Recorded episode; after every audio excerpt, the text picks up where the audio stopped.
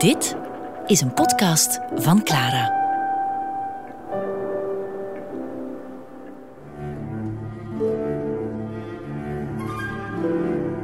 Leven en lijden van Godfried Bomans.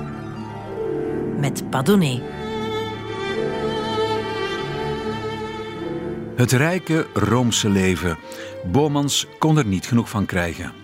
Ook als in de jaren 60 de kerk en Rome leidzaam moeten toezien hoe hun bedrijf begint leeg te lopen, kijkt de ouder wordende Bomans weemoedig terug op de glorierijke jaren. De enen noemde het smalend een kinderlijk Sinterklaasgeloof dat weinig om het lijf had. De diehards spreken de eersten formeel tegen. Bomans en God, ze waren twee handen op één buik. Men vergeet wel eens, dames en heren, dat werkelijk geloven een manier van leven is. Waarbij de gehele persoonlijkheid betrokken is. Twijfelen echter appelleert alleen aan het intellect. Godfried Bomans broer en zus waren allebei kloosterling. Hun vader was katholiek, streng en rechtlijnig in de leer. Je zou dus iets te gemakkelijk kunnen zeggen: het zit in de genen. Maar dat is dus inderdaad van dik hout planken zagen. Ten eerste klikte het niet echt tussen vader en zoon, om een understatement te gebruiken. Het zou dus voor de hand hebben gelegen dat de jonge Bomans net zijn genen een hele andere koers had laten varen. Om papa te jennen bijvoorbeeld, hoe gaat dat? Of gewoon om tegendraads je eigen ding te doen. Bovendien nam Godfried nooit klakkeloos aan wat heren van op hun kansels oreerden. Daar was hij toch te eigenzinnig voor, te tobberig ook. Vele echte en vermeende psychologen hebben hun tanden gebroken op Godfried Bomans preoccupatie met de godsvraag. Misschien moest het geloof de kilte van zijn jeugd compenseren, hem de warmte verschaffen die hij als kind nooit gekend had. En misschien heeft hij zelf zijn hele leven in de knoop gezeten met die ene vraag: bestaat hij nu of niet? Toen Bomans moeder stierf, zei hij bij haar graf: Nu weet ze het. In deze aflevering van deze podcast eh, hoort u biograaf en vriend Michel van der Plas, de schrijvers Louis Ferron en Jeroen Brouwers, Bomanskenner Annemarie Feilzer, Gertelij, Ronald Soetaert, Annemarie Oster en Godfried Bomans, zelf natuurlijk een beminde gelovige. Het is, ook al zou men menen verstandelijk superieur te zijn aan een eenvoudig gelovige, toch een kalere vorm van existentie. Behalve ons kritisch vermogen blijven de andere faculteiten werkeloos. Vertrouwen, hoop, liefde en het gevoel in een hogere bedoeling te zijn opgenomen, ze spelen allemaal niet meer mee. En in hun plaats treedt het vermoeden dat de dingen niet meer betekenen dan zichzelf. De enige gesteldheid om zulke een beproeving te ondergaan is er ook als zodanig te beschouwen. Dit betekent dat men de twijfel als een fase ziet, waar men doorheen moet om of tot een totale verwerping te komen, of tot een nieuw en anders aanvaarden. Ging ik hem bezoeken in Bloemendaal, in die mooie villa, eh, die hij daar later is gaan bewonen, dan voltrok zich steeds, wat ons tweeën betreft, ook één en hetzelfde ritueel. Ja, het is Pasen, uitgesproken op een juichtoon. En nu weet ik wel, beminde gelovigen, dat het niet voor ons allen Pasen is. Er zijn er onder ons die nog niet hun paasbiecht hebben gesproken en toch, het is Pasen. De klokken luiden.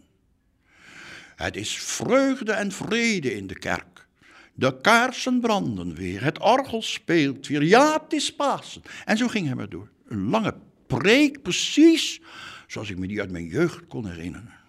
De crisis waarin de kerken zich bevinden kan alleen gezond blijven wanneer wij ervan afzien deze te versmallen tot de termen conservatief en progressief.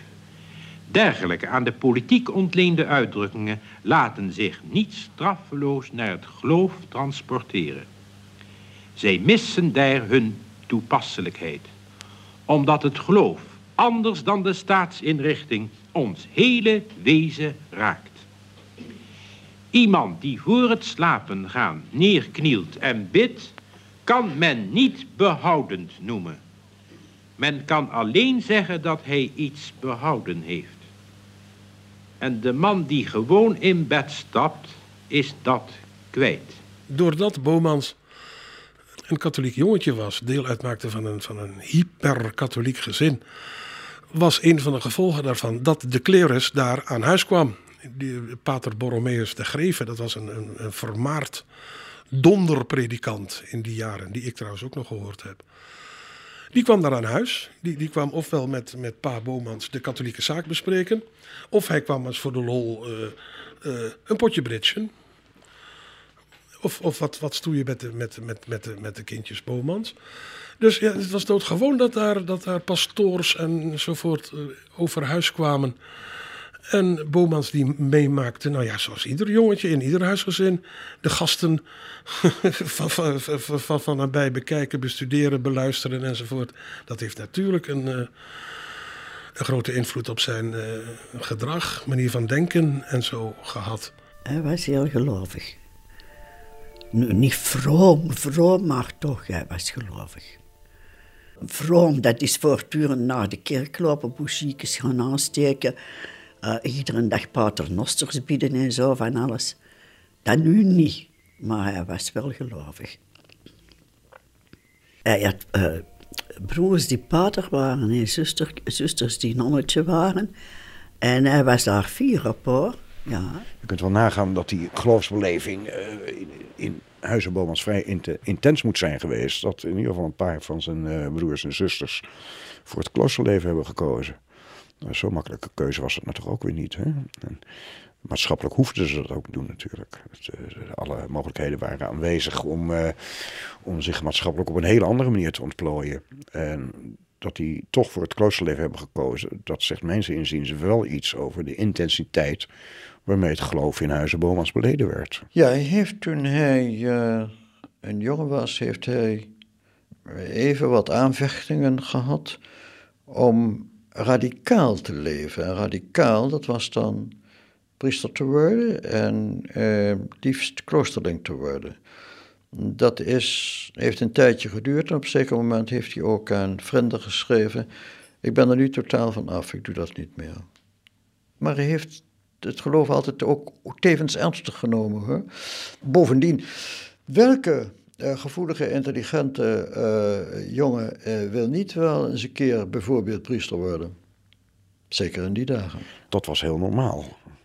Dus het, je kunt niet zeggen dat Bomans in uitzonderlijke omstandigheden opgroeide. niet in die zin, niet wat zijn religie betreft. Wel wat de status van zijn vader betreft, want die was vrij hoog natuurlijk. Zijn maatschappelijke status was vrij hoog. Maar het, het, de, de, de beleving van het katholicisme zoals zijn vader die aanhing, dat zal hij zelf ook niet als, als uitzonderlijk hebben ervaren.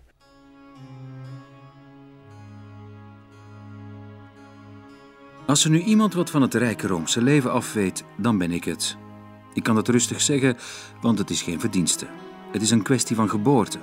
Mijn vader was Kamerlid van de Rooms-Katholieke Staatspartij en bovendien voorzitter, beschermheer of erelid van talloze Roomse organisaties en verenigingen.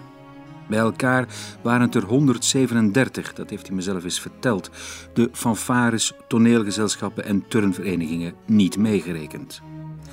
Mijn moeder was zeer vroom en zag gaarne priesters over de vloer. Zij interesseerde zich voor de missie en wat het binnenland betreft voor alle vormen van liefdadigheid, waaronder vooral het lot van de Roomse blinden. Het wemelde bij ons dan ook van zwartrokken, die handen wrijvend en met luide kalmerende stemmen de hele dag door binnenkwamen en mijn ouders vertelden hoe het ermee stond. Dit bleek goed te zijn. Wij gingen vooruit, de rooien gingen achteruit. De kamer stond vol sigarenrook en af en toe kreeg ik een schertsend tikje op het hoofd. Hoe heet je ook alweer? Mooi, mooi. Brave jongen zeker? Mooi, mooi. Vlijtig op school? Haha, ja, ja. En gaat dat zeker graag naar de kerk? Mooi, mooi, mooi. Het antwoord werd niet afgewacht. Men wist dat dit bevestigend zou zijn. Brave kinderen waren het vanzelfsprekend gevolg van brave katholieke ouders en werden dan ook niet opgemerkt tenzij om er eens schertsend in te knijpen. Katholicisme was in Nederland zeer verbreid. Eh, Steden als Amsterdam, dat was dé katholieke stad bij uitstek in de jaren 20, 30. Haarlem, waar Bomas uit, uit, uh, uit geboortig is, dat waren katholieke uh, rijkjes binnen, binnen, binnen, binnen Nederland. En ook de, de, de katholieke volkspartij, de, hè, dus de, de, de, politieke vertegenwoordiger van de katholieken in Nederland. U, u kunt zich dat niet voorstellen, maar die was enorm.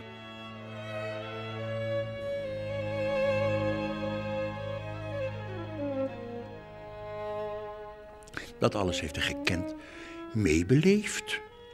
Al die tradities uh, in zich opgenomen. Uh, de preken beluisterd. Ook als jonge jongen al.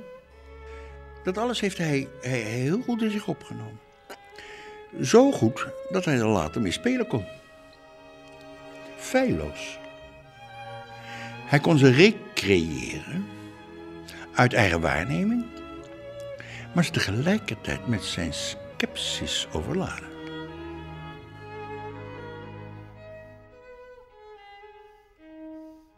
De satire die ik nu ga voorlezen heet Zo zit dat. De missieprocure van een broedercongregatie in ons land, die de bekering van Nieuw-Guinea tot haar werkzaamheden rekent, heeft hiertoe geld nodig. Zij stuurt derhalve een foldertje rond om katholieke gelovigen op te wekken een bijdrage te leveren.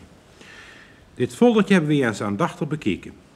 Uw gift al dus houdt de congregatie ons voor, maakt van een heiden een cultuurmens en van een cultuurmens een heilige. De drie fasen van deze ontwikkeling zijn met tekeningen verlucht. De heiden wordt vertoond als een zwarte idioot, die als een bezetene in het rond springt de cultuurmens blijkt een saxofonist in een strijkje te zijn, terwijl de heilige een engel is die op een bazuintje blaast. Deze verblijdende vooruitgang wordt nog benadrukt door het feit dat de heiden zwart is, terwijl de twee volgende personen als blank worden afgebeeld. Dit verraadt weinig respect voor het ras waartoe de aanstaande katholieken van Nieuw-Guinea behoren. Het verraadt tevens een onjuiste opvatting omtrent de uitwerking van het doopsel. In het katholicisme zocht Bomans, waar hij natuurlijk zijn hele leven lang naar op zoek geweest is, naar geborgenheid. Uh, dat is natuurlijk zo'n grote kwestie zijn leven lang geweest. Geborgenheid. Weg uit deze naakte, kale, moderne wereld waar niets met niets te betekenen heeft. Waar alles van zijn symboolwaarde ontdaan is. En uh, ik denk dat voor Bomans het katholicisme nou juist een tegenwereld was. Waarin alles met sym symboolwaarde beladen was. Waar, uh, in het katholicisme had alles een betekenis. Alles verwees naar iets dat op een diepere zin duidde. En dat in laatste instantie een, een, een hecht heelal van betekenissen en, en, en doelen was. En waarin je veilig geborgen was om. Je hoefde er niet buiten, want het ontsloot alles. Van, van de, letterlijk van de wieg tot het graf.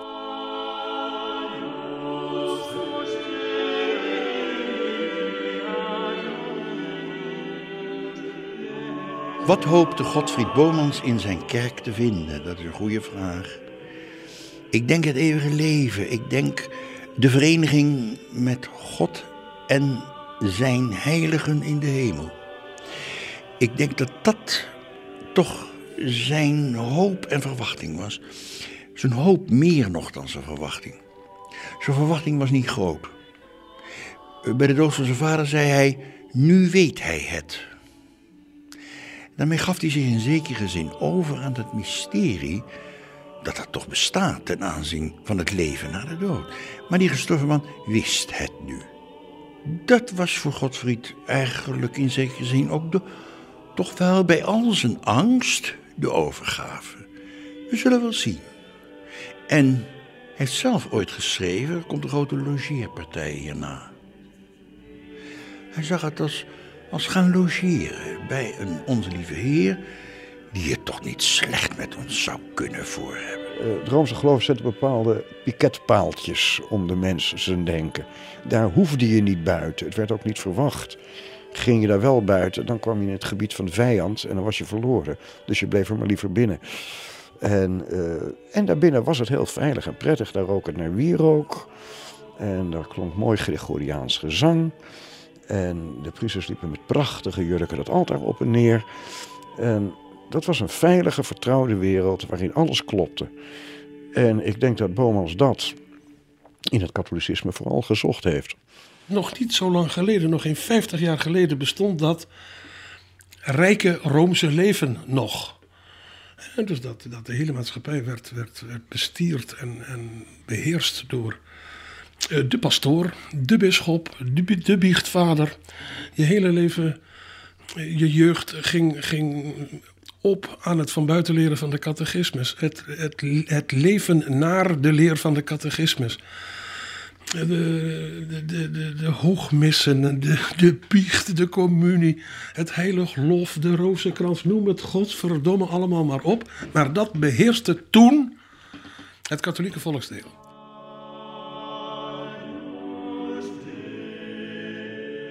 Op de dag van mijn heilige communie heb ik de vreugde der engelen niet gesmaakt.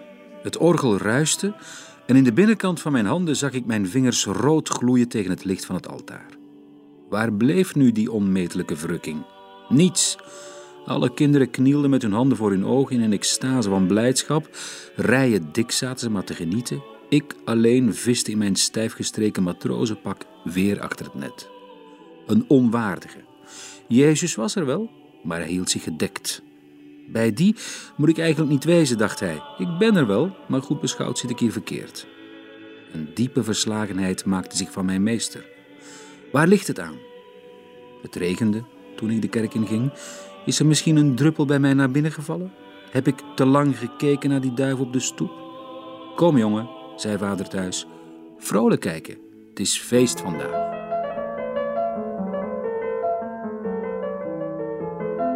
In de kou heet het boekje dat Godfried Bomans samen met zijn vriend Michel van der Plas maakte.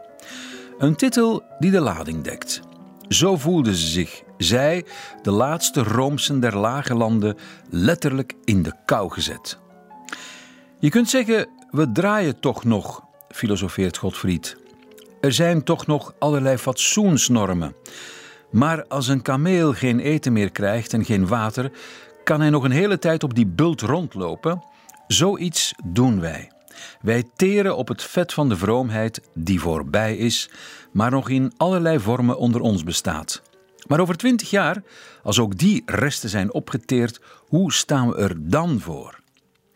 Als jongen dacht Bomans vaak: wanneer het allemaal waar is wat het rooms-katholicisme ons voorhoudt, waarom staat dat dan niet in de wolken geschreven? In grote, onuitwisbare letters, zodat ieder het lezen kan. Van de ene kant hangt je leven ervan af, van de andere kant is er volop de mogelijkheid tot twijfel. Het is nooit goed, meneer. Ja, hij, is heel zijn leven katholiek gebleven, maar ik denk de laatste jaren van zijn leven een zeer twijfelende katholiek. Twijfelen aan het hiernamaals. Vandaar ook zijn angst dat het met de dood ook gedaan is. Wat hij zijn hele leven toch had geloofd dat er iets ging komen daarna. En ja, het heeft dus toch geresulteerd in een van de mooiste uh, tv-uitzendingen over geloof. Hm? Want daar ging het dus, het ging niet alleen om familie natuurlijk, het ging ook om geloof. Dat, uh, dat is iets waar hij zeker de geschiedenis voor zal ingaan. Ja. Er is een crisis in de katholieke kerk, dat is wel langzamerhand bekend. Paters gaan uit kloosters, priesters verlaten het celibaat. Nonnen keren de wereld terug. En de aandacht van televisie en pers is voornamelijk op die figuren gericht. En dat is ook begrijpelijk. En ik ben er volkomen mee bewust van de uh, gegrondheid van hun redenen. En we moeten respect daarvoor opbrengen. Maar niettemin blijft dat het zoeklicht voornamelijk op die figuren gericht is die het schip verlaten.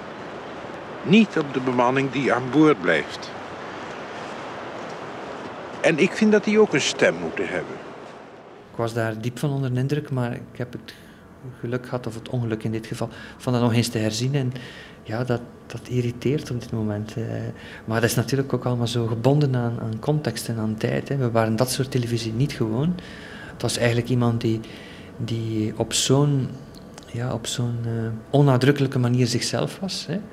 Dachten we op dat moment hè, uh, dat dat heel ehm, bevrijdend was om dat soort televisie te zien. Hè. Het was iemand die gewoon praatte, nadacht, stotterde. Hè. dat was heel aantrekkelijk. Als ik dat nu bekijk, denk ik, wat een poseur. Hè. Maar dat is heel lelijk, hè? dat is heel raar. Dus bedoel, die rol werd, uh, dus was zo onaandrukkelijk dat het nadrukkelijk gespeeld werd. Hè? Het was een spel in een, een spel eigenlijk. Hè? Maar ik denk dat hij op dat gebied voor televisie toch wel ja, een baanbrekende rol vervuld heeft. En wij kijken daar op dit moment naartoe met, uh, ja, met de oneerlijkheid van mensen die de toekomst gezien hebben. Nu heb ik een broer in het klooster en ook een zusje. Hij is nu 54 en zij 60. Ik zelf sta precies tussen beiden in. Ik ben 57.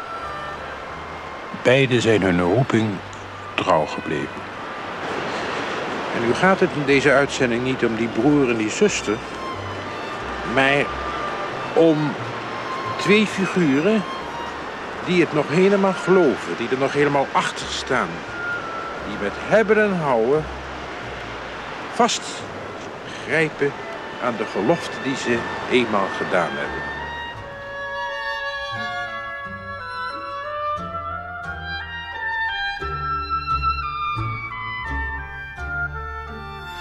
Bomans is ook degene geweest die uh, tenslotte in de jaren zestig veel verdriet had over eh, de teleurgang van nou ja, al die folklore die met, die met het katholieke geloof te maken hadden.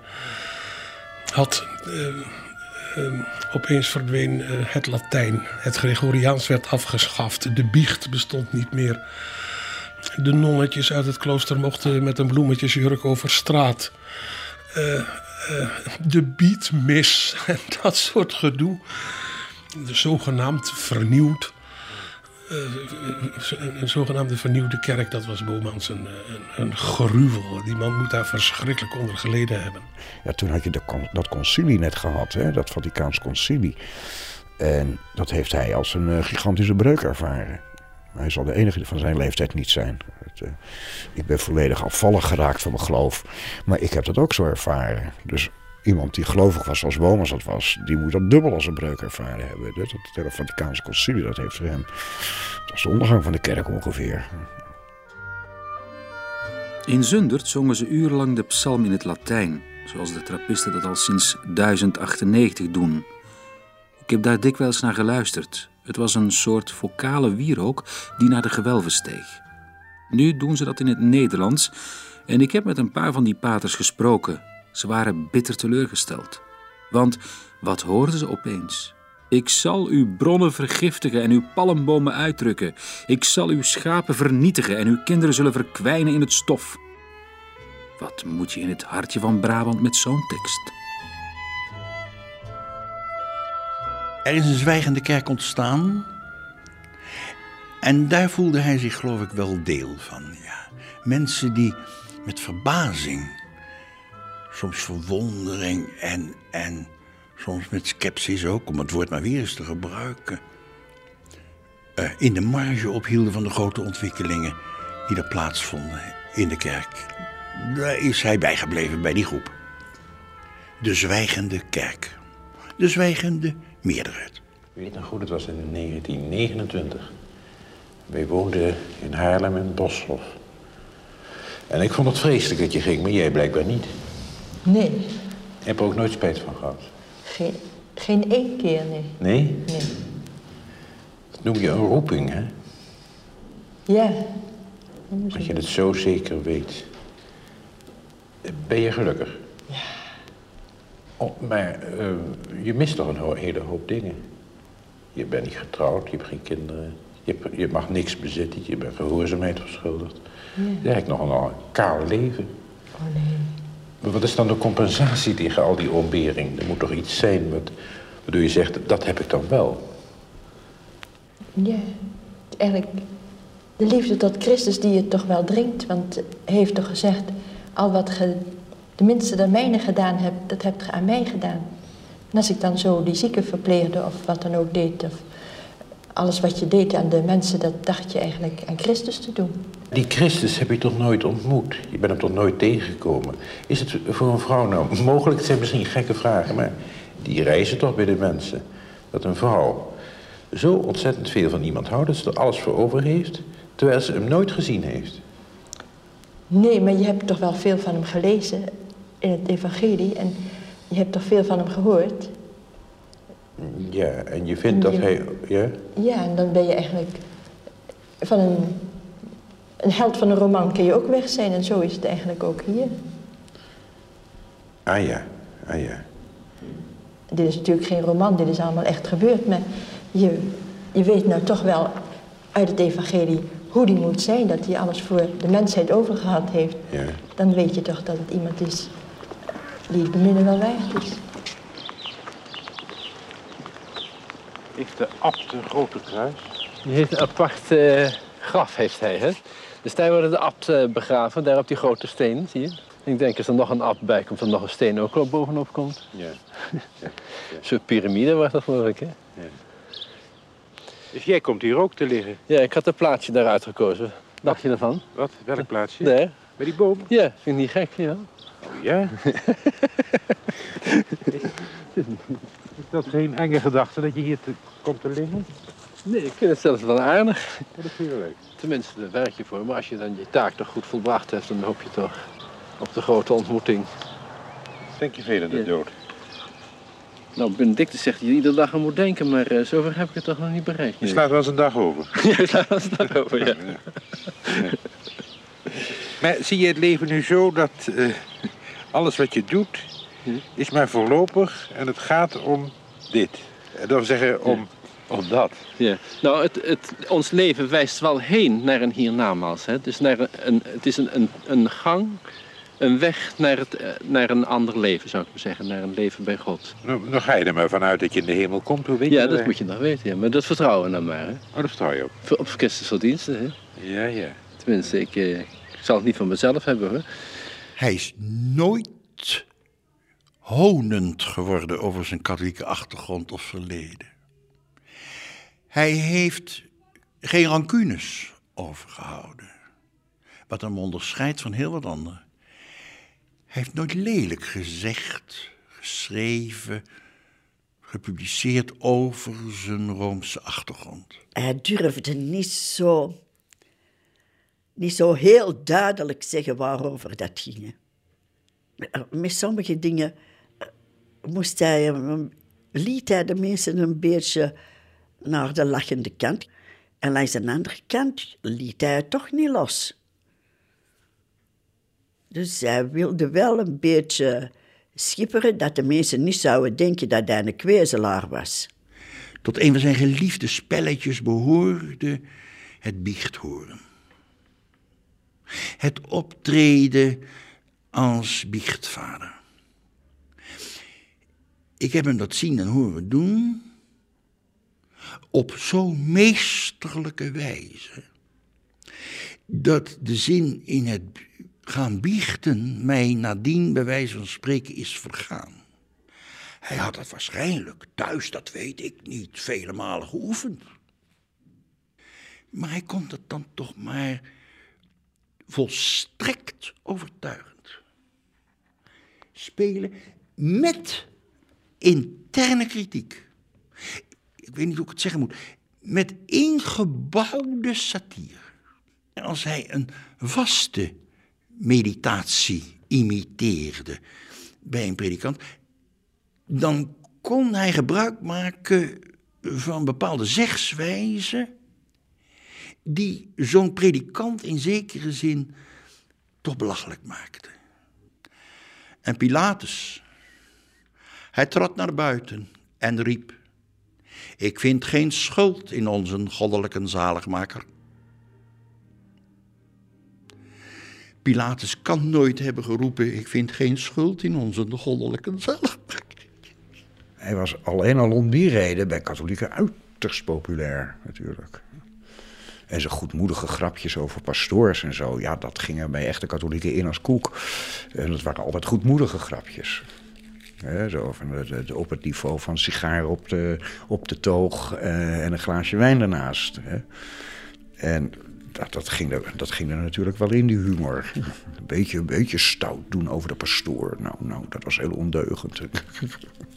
Elk jaar trok onze school ter B-vaart naar Helo en dat ging per fiets.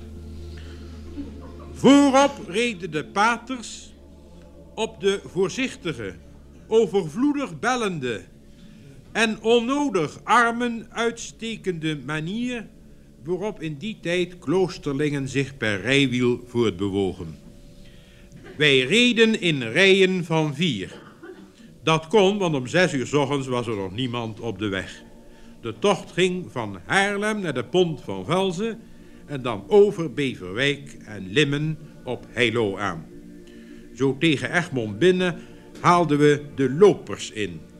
Dat was een klein en elk jaar slinkend groepje verstorven voortstappende leerlingen die de tocht te voet maakten en luidkeels biddend de fietsers aan zich voorbij lieten rijden.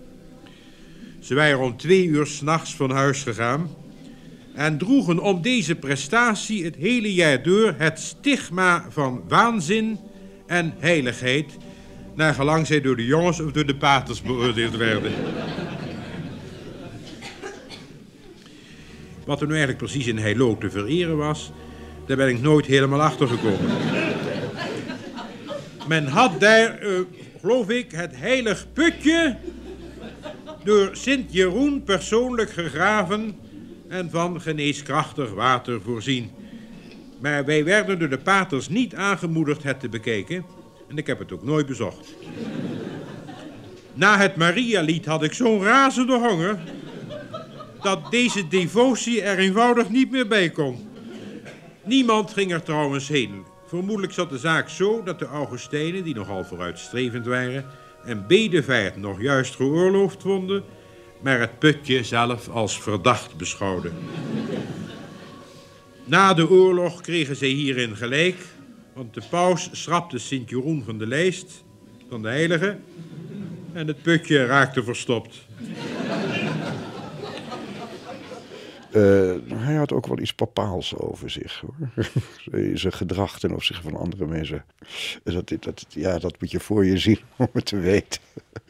Uh, hij had de, de minzame bonhomie die ik mij ook nog wel herinner van sommige pastoors. En waar ik niet gek op was.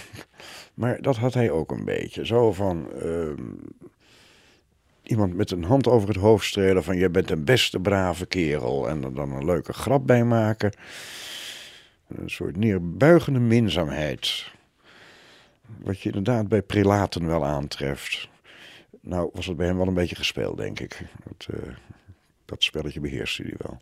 Hij heeft de geloofsgenoten van hem als heroën weten af te schilderen. En dat waren ze ook missionarissen, kloosterlingen, hebben iets heroïs over zich in de totale overgave aan hun ideaal. En dat heeft hij bewonderd. Tot aan zijn dood. Dat is, die, dat is hij niet kwijtgeraakt. Dat is hij niet kwijtgeraakt, nee. Je zou kunnen zeggen, al is hij niet in het klooster getreden. Hij is niettemin zijn hele leven kloosterling gebleven. Hè? Dus in zijn, in, zijn, in zijn gedachten, hij heeft niks anders dan uh, uh, het kloosterlijke gepredikt in, in al zijn geschriften. Ook al is hij getrouwd en ook al had hij vrouwengeschiedenis en uh, achter de schermen en zo, dat doet er allemaal niks toe. De, de, de neiging om te prediken is, is, is, is, nooit, is bij Bomans weg geweest. In die zin zou je hem toch een kloosterling, een, een, een wereldlijke kloosterling kunnen noemen. Een lekenprediker of zoiets. Hij was schrijver. Hij was heel iets anders geroepen. Hij was geroepen om weg te nemen. En om dat te beschrijven wat hij waarnam, dat was zijn taak. En geen andere.